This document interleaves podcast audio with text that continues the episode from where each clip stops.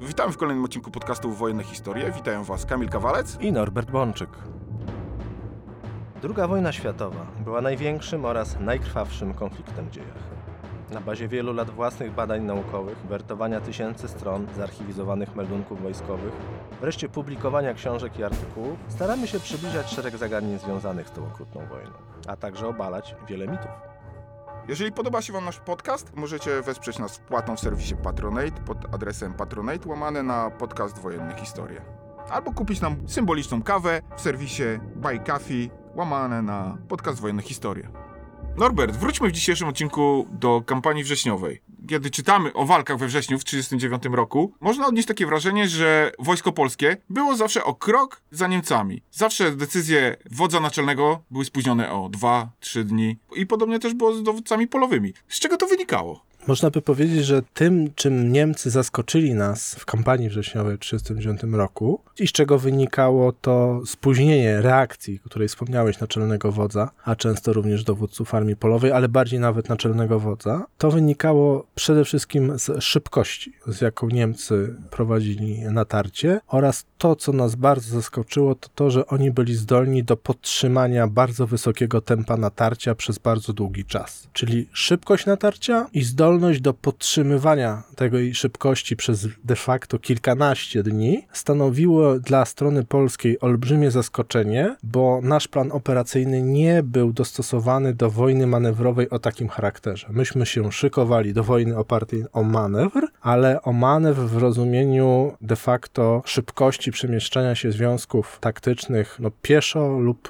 w oparciu o system zaprzęgów konnych. No, wychodziliśmy z założenia, że skoro większość armii niemieckiej de facto to też jest oparta na zaprzęgi konne, no to będzie możliwość tutaj toczenia jakiejś walki równorzędnej. Największy troskę budziły wojska zmechanizowane przeciwnika, które było wiadomo, że są szybsze, ale tutaj zakładano, że Niemcy nie będą w stanie ich używać w charakterze wojsk zmechanizowanych na poziomie operacyjnym, a jedynie na poziomie taktycznym. Innymi słowy, przed wojną zakładaliśmy, że dywizje pancerne czy zmechanizowane przeciwnika będą zdolne do gwałtownego wtargnięcia na nasze terytorium, ale nie będą w stanie utrzymać tempa natarcia w kolejnych dniach, ze względów chociażby logistycznych. Także zadławiał się z powodów kwestii komunikacyjnych, kwestii dostarczania paliw, amunicji. Innymi słowy, raczej postrzegaliśmy niemiecką broń szybką, pancerną, jako rodzaj takiego pancernego taranu, ciężkiej jazdy przez analogię, a nie jazdy lekkiej, zdolnej do buszowania na tyłach, czy głębokiego oskrzydlania, przeskrzydlania naszych armii. I to powodowało, że ta szybkość oraz zdolność do utrzymania szybkości natarcia w kolejnych dniach, to były te elementy kluczowe, które de facto obezwładniły nie tylko nasze naczelne dowództwo, ale sparaliżowały nasz plan wojny w rozumieniu, nie wiem, rejonów koncentracji, rejonów rozwinięcia do przeciwuderzenia, czasu rozwinięcia wojsk, z mobilizacji powszechnej itd., itd., itd. Czyli szybkość i zdolność do utrzymania tej szybkości. I przed wojną, zresztą w Wojsku Polskim, toczono dyskusję co do tego, jak będą zdolne działać czołgi na ten przykład na polu walki. I stąd to moje porównanie do ciężkiej i lekkiej kawalerii, bo większość naszych oficerów uważało, że czołgi są rodzajem ciężkiej kawalerii, czyli są zdolne do gwałtownego uderzenia w przeciągu nie więcej niż 72 godzin. Innymi słowy, dywizja pancerna jest w stanie poczynić duże zniszczenia, jest w stanie dokonać przełamania na wybranym kierunku, ale po dwóch, trzech dniach trzeba będzie ją wycofać celem regeneracji i ona nie będzie zdolna do samodzielnych działań w głębi obrony przeciwnika, w głębi operacyjnej przeciwnika czyli nie będzie zdolna do tego, do czego teoretycznie może być zdolna lekka kawaleria. I przed wojną istniało takie pojęcie wojny indyjskiej. I myślę, że właśnie Niemcy, nasze dowództwo bardzo zaskoczyli faktem, że są w stanie realizować założenia wojny indyjskiej. My byliśmy przekonani, że w naszych warunkach geostrategicznych, w naszych warunkach terenowych prowadzenie wojny indyjskiej jest niemożliwe, a okazało się, że ta wojna indyjska jest możliwa. A czym była ta wojna indyjska i czy była ta koncepcja? Tak naprawdę to pojęcie wojny indyjskiej to ukuło się w latach 30 w polskiej literaturze, a bardziej wśród polskich oficerów, nie miało charakteru jakiejś jasno sprecyzowanej normy, no bo nie było czegoś takiego jak wojna indyjska, ale już oczywiście odpowiadam, do czego to się w ogóle odnosiło. Otóż w latach 30. XX wieku Indie były brytyjską kolonią i Indiami wstrząsały różnego rodzaju bunty, rebelie, nawet mające elementy zarówno skierowane przeciwko panowaniu brytyjskiemu, jak i mające charakter takich wojen lokalnych, wojen domowych. No i brytyjskie imperium między innymi wypracowało sobie taką metodę walki, że tworzyło niewielkie grupy zadaniowe o charakterze zmechanizowanym, złożone z oddziałów zmotoryzowanej piechoty, wzmocnionych samochodami pancernymi, czasami czołgami, artylerią, jednostkami saperskimi. To wszystko miało współdziałać z lotnictwem, czyli specjalne oddziały i pododdziały o charakterze różnych rodzajów broni, tworzone, dedykowane określonym zadaniom taktycznym, które de facto wykonywały działania na dużej przestrzeni, bez kontaktu z własnym zapleczem i to były działania o charakterze operacyjnym. To były rajdy i działania zbrojne wydzielonych grup zmechanizowanych na dużym obszarze w głębi operacyjnej przeciwnika. Brytyjczycy w ten sposób po prostu walczyli z różnymi ruchami i powstaniami na terenie Indii w latach 30. I stąd pojawiło się pojęcie wojny indyjskiej. No ale zakładano, że to jest możliwe tylko przeciwko jakimś tam partyzantom w jakimś bliżej nieokreślonym cywilizacyjnie obszarze, że żadna nowoczesna armia nie pozwoli sobie na to, żeby w walce z nią coś takiego miało prawo zaistnieć. No ale wrzesień 1939 roku pokazał, że Niemcy zastosowali w Polsce w skali operacyjnej to, co Brytyjczycy w latach 30. stosowali w Indiach w skali taktycznej. I Niemcy zaskoczyli nas tym, że potrafią niezwykle szybko przemieszczać się po naszym terytorium. To znaczy, są w stanie nawiązać z nami walkę, są w stanie nas obejść, są w stanie nas przeskrzydlić, a potem wychodzić na nasze głębokie tyły. Czyli łączą sobie bardzo skutecznie zarówno siłę ognia, ogień i manewr. Przy czym okazywało się, że jakby biją nas na obu tych obszarach, czyli ich siłą ognia nas przewyższali w walce bezpośredniej i przewyższali nas znacząco tym e, manewrem. I naczelny wódz, który miał określony plan stoczenia najpierw bitwy granicznej, a potem działania według okoliczności, w pewnym momencie utracił pełną świadomość sytuacji. To znaczy, naczelny wódz chciał realizować określone zadania, wycofywać armię na określone rubieże, wykonywać przeciwuderzenia. Tyle tylko, że wciąż był zaskakiwany tym, że Niemcy przemieszczają się szybciej i że zaczynają się pojawiać w rejonach, co do których nie spodziewano się, że będą w tych rejonach. A to, że nasze armie działały de facto w oderwaniu od siebie, że znajdowały się olbrzymie obszary, gdzie właściwie nasze wojska nie wystawiły znaczących sił do walki, no tylko Niemcom ułatwiał to głębokie przenikanie, no bo Niemcy zastosowali w 1939 roku przenikanie w skali operacyjnej a nie w skali wyłącznie e, taktycznej. I często relatywnie liczbowo niewielkie siły niemieckie potrafiły odnosić zaskakujące sukcesy. I może jeszcze powiem, że może nie tym, co nas zaskoczyli, ale czym nas Niemcy zasadniczo przewyższali, oprócz właśnie szybkości i podtrzymywania szybkości natarcia, to jest znacząco nas przewyższali zdolnością do walki broniami połączonymi, znaczy związkami taktycznymi i oddziałami broni połączonych. Z czym my mieliśmy olbrzymi problem, ale z czego to wynikało? Z ich przewagi ognia i z przewagi technicznej, a ta przewaga techniczna w dużej mierze opierała się na masowym wykorzystaniu systemów radiowych. Innymi słowy, Niemcy byli już w roku 1939 jedną nogą w tym współczesnym systemie walki. Dzisiaj mówimy o sieciocentrycznym systemie walki, gdzie jakby wszystkie oddziały, pododdziały i związki taktyczne funkcjonują w ramach jedności.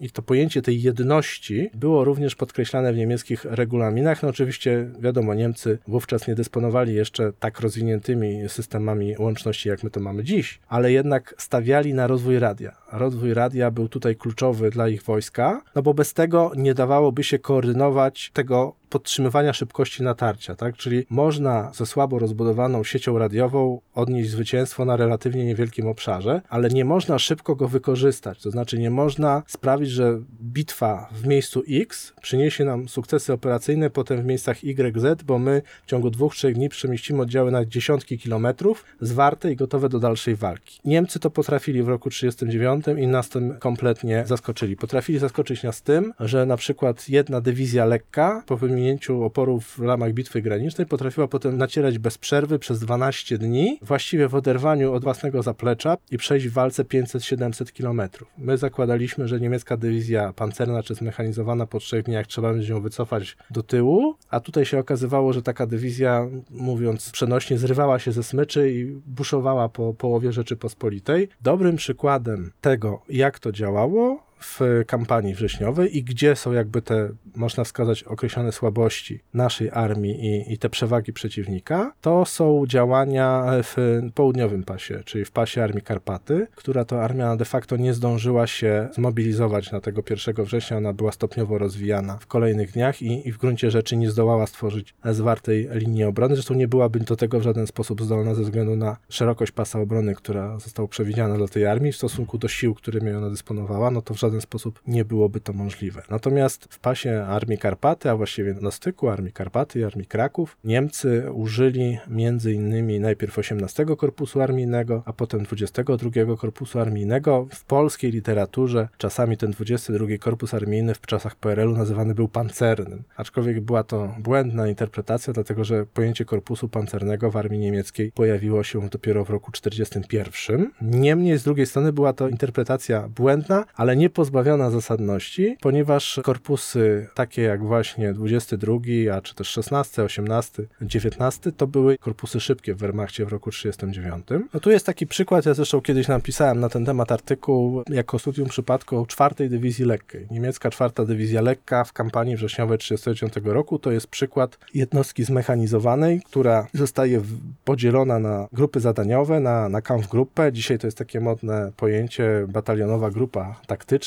Nie jest to bynajmniej żadna nowość. Otóż w II wojnie światowej najpierw Niemcy, a potem również inne armie, ale przede wszystkim Niemcy na masową skalę tworzyli i wykorzystywali wolce batalionowe grupy taktyczne albo pułkowe grupy taktyczne. Przy czym Niemcy w Polsce rozwinęli to de facto do charakteru batalionowych czy pułkowych grup operacyjnych wręcz bym powiedział, a nie tylko taktycznych. I taka czwarta dywizja lekka, ona zaczynała walki na froncie południowym w Beskidzie Żywieckim, potem szła przez Tarnów, przez Rzeszów, forsowała San na północ od Przemyśla, potem rajdem przez Rawę Ruską skierowała się aż w kierunku na Chrubieszów i Uściłuk, walczyła w rejonie Zamościa i to wszystko w 14 dni. Jak sobie zobaczymy na mapę, no to to jest jednostka, która przebyła w, w czasie de facto 14 dni pół, pół południowej Rzeczypospolitej. I to była jednostka, która walczyła między innymi z naszą 10 Brygadą Kawalerii. To był jedyny przypadek w całej kampanii wrześniowej, gdzie polska brygada zmotoryzowana toczyła walkę ze związkami szybkimi przeciwnika, czyli walczyła dokładnie tak, do czego została stworzona, jako jednostka opóźniająca. No i trzeba tu powiedzieć, że z jednej strony brygada pułkownika Maczka w walce z drugą dywizją pancerną i czwartą dywizją lekką zapisała niezwykle chlubną kartę, bo nie dała się rozbić, bo rzeczywiście opóźniała przeciwnika, ale z drugiej strony ze względu na swoją słabość, no to ona odniosła szereg sukcesów lokalnych, ale nie była w stanie zatrzymać tej niemieckiej lawiny, tych dwóch konkretnie dywizji pancernej i dywizji lekkiej, ale tak naprawdę też pewną słabością tej brygady było to, no ona nie mogła być wpięta w żaden wyższy system, bo nie funkcjonował żaden wyższy system. My możemy być naprawdę dumni za osiągnięcie 10 Brygady Kawalerii w kampanii wrześniowej, ale jednocześnie musimy mieć świadomość, że ze względu na jej ograniczone możliwości, no to ona zrobiła wiele, ale no tyle, ile mogła zrobić. W takim razie, co było takim swoistym fenomenem w działaniu tej niemieckiej czwartej dywizji lekkiej? Szybkość i umiejętność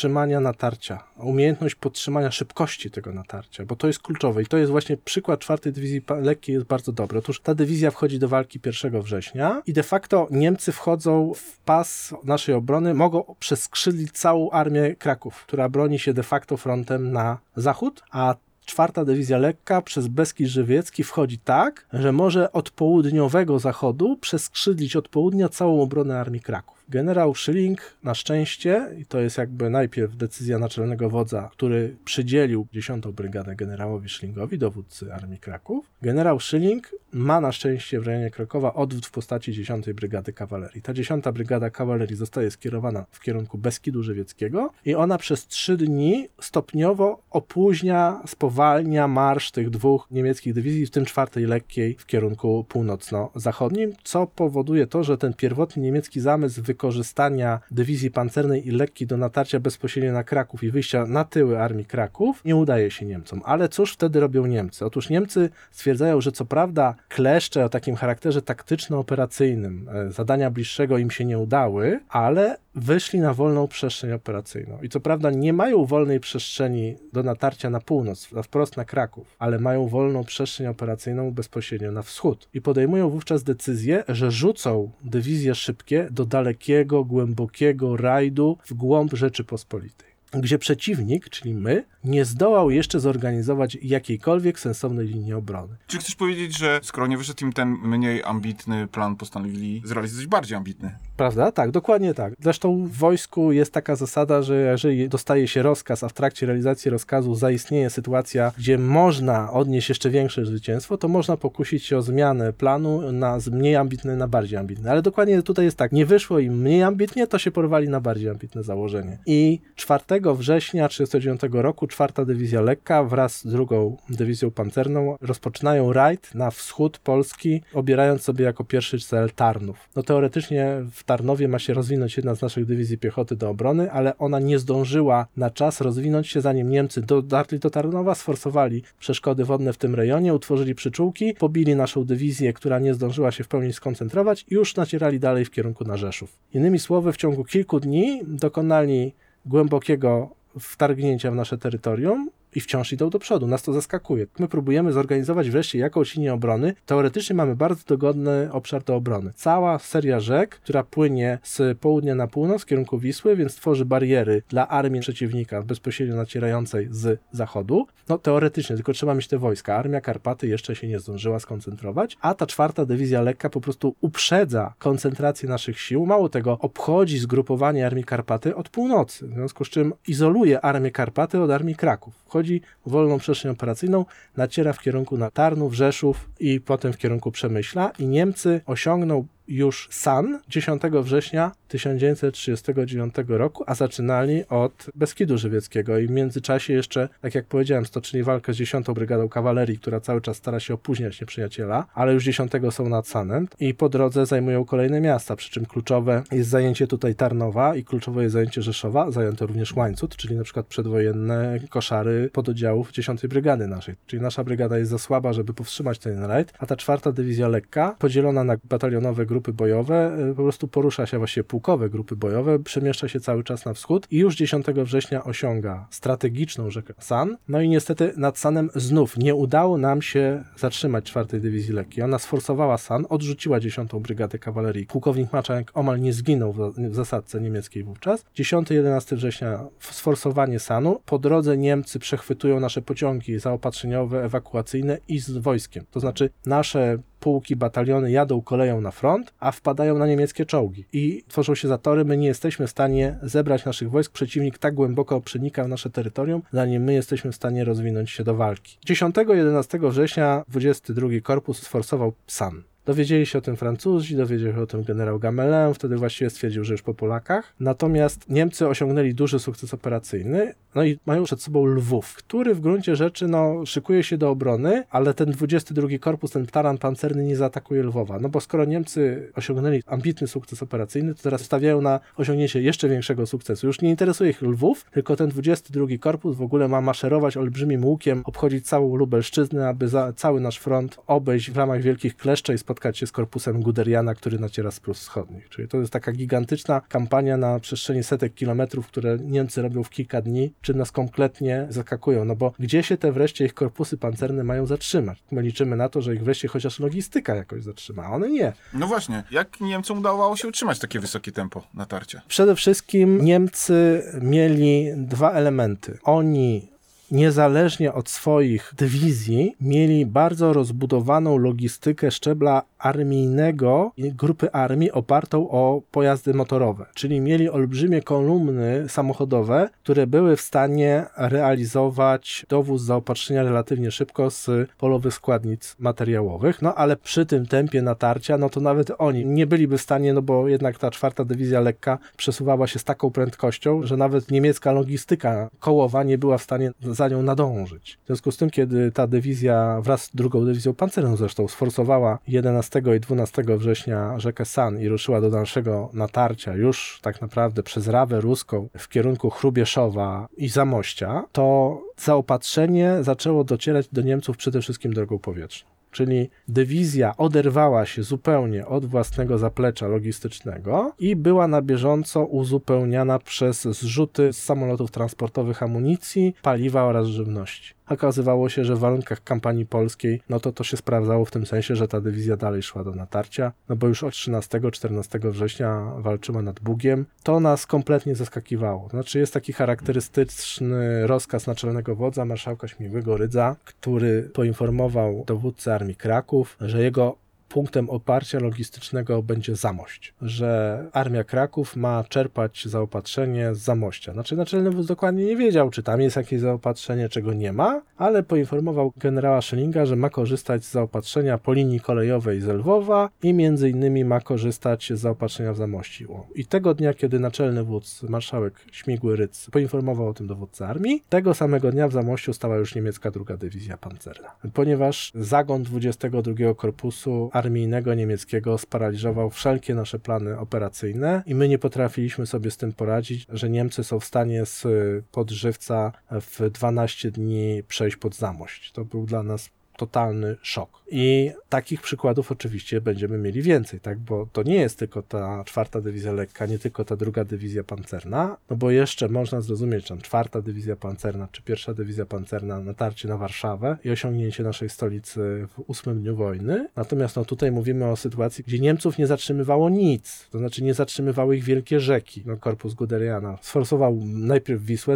potem sforsował Narew, a potem jeszcze sforsował Bóg, a czwarta dywizja lekka, no też na południu sforsowała w sumie osiem wielkich rzek, łącznie z Sanem i właściwie prawie spotkała się z wojskami Guderiana w rejonie Włodawy. I to nas kompletnie zaskakiwało. Planując kampanię 1939 roku, dowództwo Wojska Polskiego w ogóle nie brało pod uwagę, że przeciwnik jest zdolny do takiej projekcji siły z taką szybkością na taką głębokość. Nie spodziewaliśmy się tego, że można prowadzić walkę bez oglądania się na skrzydła, bez oglądania się na tyły, wykonując głębokie rajdy po terytorium przeciwnika w głębi operacyjnej przeciwnika związkami I te wielkie kleszcze, jakie się de facto zamknęły w Polsce, wykonały korpusy zmechanizowane i te rajdy korpusów zmechanizowanych olbrzymi wpływ wywierały na kolejne decyzje naczelnego wodza po naszej stronie. Dlatego, że Śmigły Rydz szukał wciąż możliwości odtworzenia linearnej linii frontu. Chciał jakiejś stabilizacji, a ta stabilizacja nie była możliwa w żaden sposób i nigdzie, dlatego że nagle się dowiadywał kolejnego dnia, że niemiecka dywizja pancerna jest tu lub tam. Rajd oddziałów 16 Korpusu Armijnego na Warszawę wymusił na wodzu naczelnym ewakuację z Warszawy do Brześcia. I to się już odbywało właściwie 6 i 7 września. Kiedy dotarto do Brześcia, okazano się, że z północy, z wschodnich również buszuje jakiś nieprzyjacielski korpus pancerny, który już zagraża temu Brześciowi. To był korpus Guderiana. W związku z czym sztab sztab naczelnego wodza trzeba było ewakuować z Brześcia do Włodzimierza Wołyńskiego. I okazało się już 14 dnia wojny, że ten Włodzimierz Wołyński w gruncie rzeczy też nie jest bezpieczny, bo od południowego zachodu idzie w kierunku Włodzimierza Wołyńskiego jeszcze inny niemiecki korpus pancerny. To jest właśnie ten 22 Korpus Armijny, który zaczynał w Beskidzie Żywieckim, a on już naciera i zagraża Włodzimierzowi Wołyńskiemu, który leży na Wołyniu w 14 dniu wojny. Śmigły Rydz był szokowany, no wszędzie przeciwnik, oskrzydla nas od północy, od południa, uniemożliwia nam tworzenie linearnej linii frontu, co skutkowało tym, że w pewnym momencie naczelny wódz stwierdził, że cały kraj jest obszarem operacyjnym, czyli nie ma już żadnych tyłów, bo niemieckie dywizje pancerne są w stanie dojechać wszędzie. Oczywiście można by dyskutować, czy mogłyby dojechać szybko do Wilna, czy do Tarnopola, ale jednak no, wódz naczelny uznał, że jest każdego dnia zaskakiwany. No, próbuje odtworzyć front, a to próbuje tworzyć linię obrony na Narwi, Wiśle i Sanie, a to próbuje jakoś ustawiać te armie, tworzyć na przykład obronę na linii południowego Bugu, a to odwołuje, ale jest ciągle i ciągle zaskakiwany tym, że przeciwnik nie zwalnia. Myśmy wciąż czekali, kiedy oni wreszcie zwolnią, kiedy wreszcie zarysuje się wyczerpywanie się potencjału uderzeniowego niemieckich dywizji pancernych. Myśmy liczyli na to, że oni się wreszcie zmęczą. To jest bardzo wyraźne, kiedy się czyta dokumenty, ale nawet wspomnienia naszych oficerów sztabowych. Także myśmy czekali, kiedy się oni wreszcie zmęczą. Znaczy, kiedy im zabraknie tej benzyny, kiedy się te czołgi już, y, resursy eksploatacyjne bieżące wyczerpią, kiedy te pojazdy muszą trafić do naprawy. No nie spodziewaliśmy się czegoś takiego, tej szybkości, tego tempa i około 14 września właśnie w naszych meldunkach zaczyna się pojawiać takie przeświadczenie, no, że może wreszcie widać jakieś tam wyczerpanie, ale to było myślenie życzeniowe. Tak naprawdę nie było żadnego wyczerpania, no bo oczywiście Niemcy poszli już tak głęboko, że zerwali zaopatrzenie drogą lądową i musieli dowozić sobie zaopatrzenie drogą powietrzną, ale te jednostki w ogóle nie traciły zdolności bojowych niemieckie. To jest właśnie klasyczny przykład 4 czwartej Dywizji Lekkiej. Ona przez dwa tygodnie pędziła na złamanie karku na północny wschód, dojechała wreszcie właśnie na te przedpola Włodzimierza Wołyńskiego, dojechała do tego Chrubieszowa, dojechała do tego Zamościa, no i tam musiała przejść z natarcia do obrony, przyjąć bitwę w warunkach obronnych, czyli najpierw wziąć udział w pierwszej bitwie pod Tomaszowem Lubelskim, a potem w drugiej bitwie pod Tomaszowem Lubelskim. Paradoksalnie dopiero wówczas poniosła jakieś straty, bo dzięki tym ciągłym rajdom, przeskrzydlaniom, obchodzeniom naszych pozycji,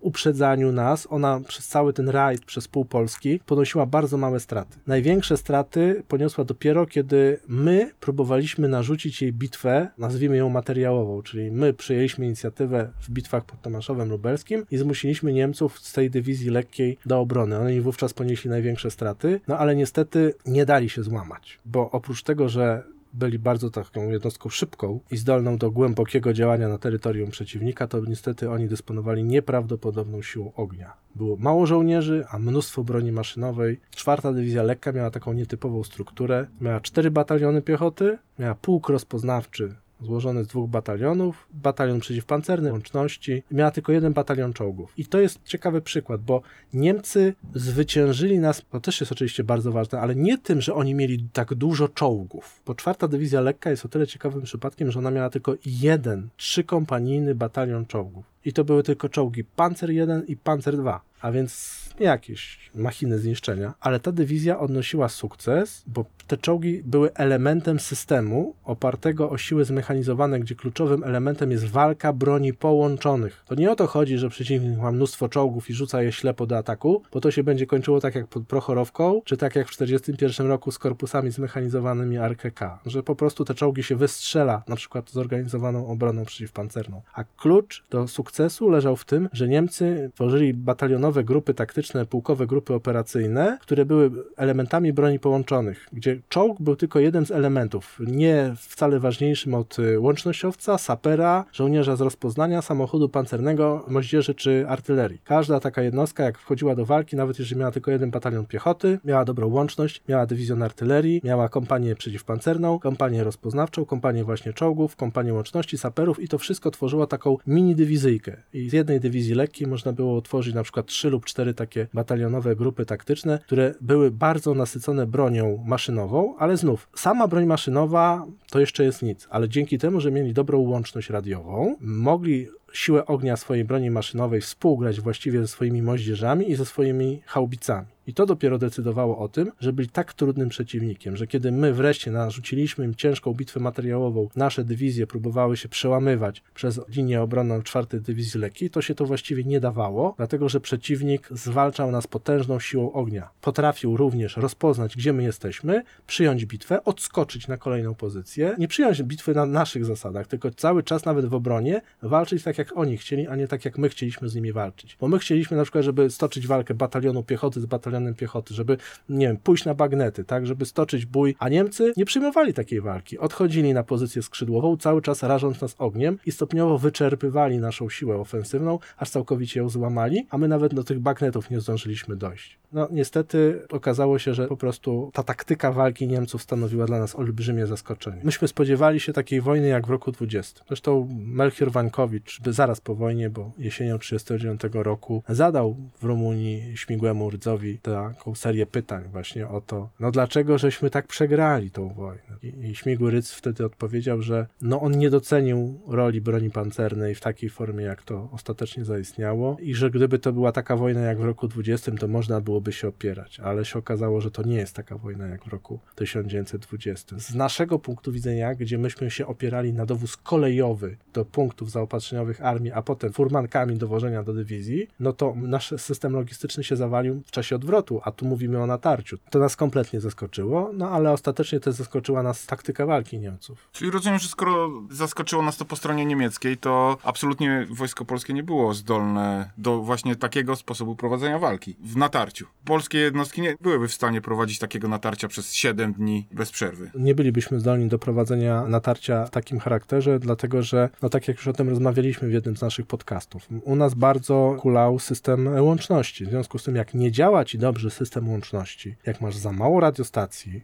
i to już mówiliśmy w, innym podcaście, jak masz za mało tego kabla telefonicznego, a masz go za mało, to nie możesz właściwie zorganizować aparatu dowodzenia i sprawnie i szybko reagować na wydarzenia na polu walki, bo musisz się opierać na bardziej anachronicznych rozwiązaniach systemu łączności, na przykład na gońcach. Tych radiostacji jest mało i tych aparatów telefonicznych jest mało i ty jako dowódca będziesz wolniej reagował, a jak ty jako dowódca wolniej reagujesz, no to też nie zgrasz odpowiednio ze sobą artylerii, koordynacja artyleria piechota, nie będziesz w stanie saperom wydać odpowiednio szybko określonych rozkazów, no tej łączności też masz mało i ta łączność nie będzie stale ci towarzyszyć na pierwszej linii walki, dlatego że nie zbudujesz wydajnego systemu. I to jest ten problem, że Niemcy mieli nad nami miażdżącą przewagę informacyjną. I to w jakimś zakresie też nas zaskakiwało, chociaż to zaskakiwało tych oficerów, których miało zaskoczyć, a których nie zaskakiwało, to nie zaskakiwało. Masz na myśli, że część oficerów zdawała sobie z tego sprawę, że są de facto niedoinformowani jako dowódcy. Znaczy powiem tak, tu mi się od razu przypomina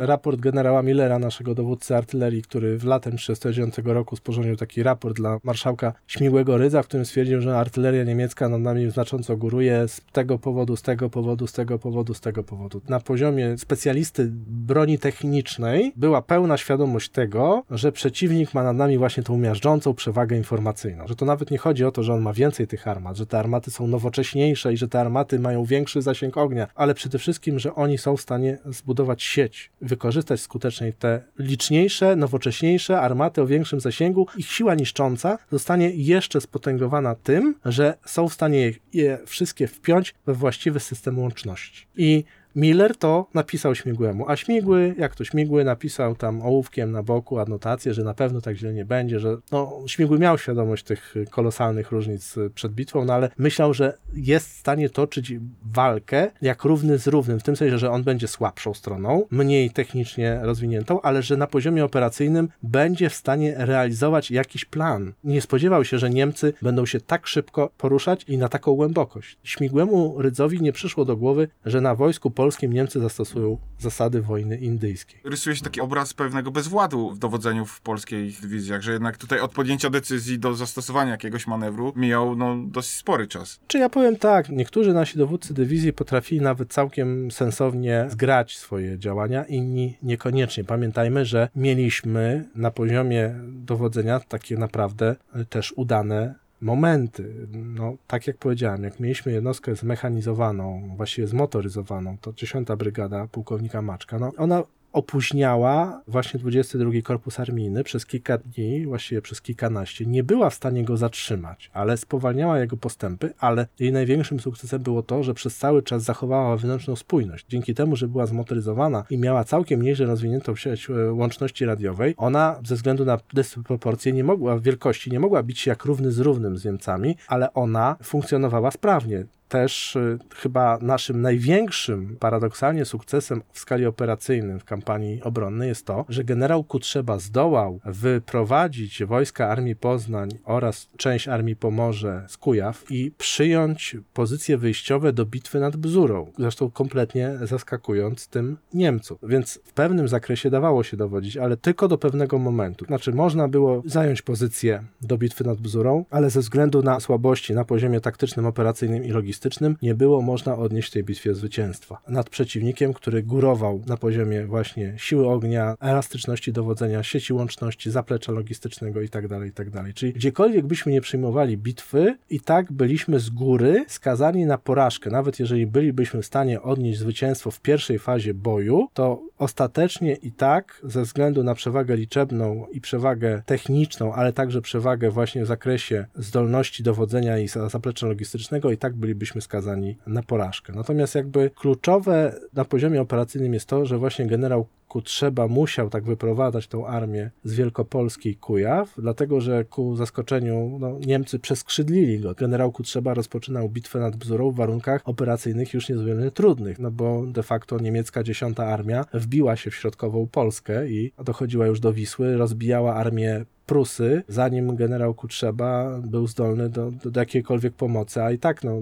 bitwa nad Bzurą wyniknęła z decyzji generała Kutrzeby, a wbrew woli naczelnego wodza, który chciał wyprowadzić tą armię za Wisłę, ale no, okazało się, że chyba ta armia nie zdąży ujść za Wisłę, bo przeciwnik jest szybszy. Nawet gdyby rozkaz naczelnego wodza został zrealizowany i armia generała Kutrzeby jakimś sposobem dotarłaby do Warszawy bez bitwy nad Bzurą, to i tak niemiecka trzecia armia już od północnego wschodu przeskrzydlała całą obronę w tym rejonie, forsując wcześniej Bóg i wychodząc na Podlasie czy na Lubelszczyznę, tak? Więc no wszędzie ci Niemcy byli szybsi, pojawiali się szybciej w miejscach, których w ogóle myśmy się nie spodziewali. I Niemcy na poziomie operacyjnym zamknęli wszystkie wojska polskie w gigantycznym worku poprzez manewr dwóch korpusów pancernych, jednego z północy, drugiego z południa. I to całkowicie sparaliżowało zamysły naczelnego wodza co do stoczenia bitwy na terenie centralnej Polski. Ta szybkość niemieckich dywizji pancernych czy dywizji lekkich wynikała również z tego, że one nie dobijały naszych związków taktycznych, nawet jeżeli je pobiły. To znaczy, to zostawiano dywizjom piechoty. Myśmy przed wojną zakładali, że ta dywizja pancerna nieprzyjaciela, ona będzie jednak używana w bitwie celem zniszczenia podstawowej siły żywej przeciwnika, czyli naszych wojsk. Tymczasem okazało się, że Niemcy używają dywizji pancernych nie tylko po to, żeby niszczyć, ale przy stwierdzeniu oporu często są zdecydowani zaniechać dobicia czy zniszczenia przeciwnika, wolą go obejść i nacierać dalej na jego tyłach, zostawiając go teoretycznie na tyłach własnych. To też stanowiło dla nas olbrzymie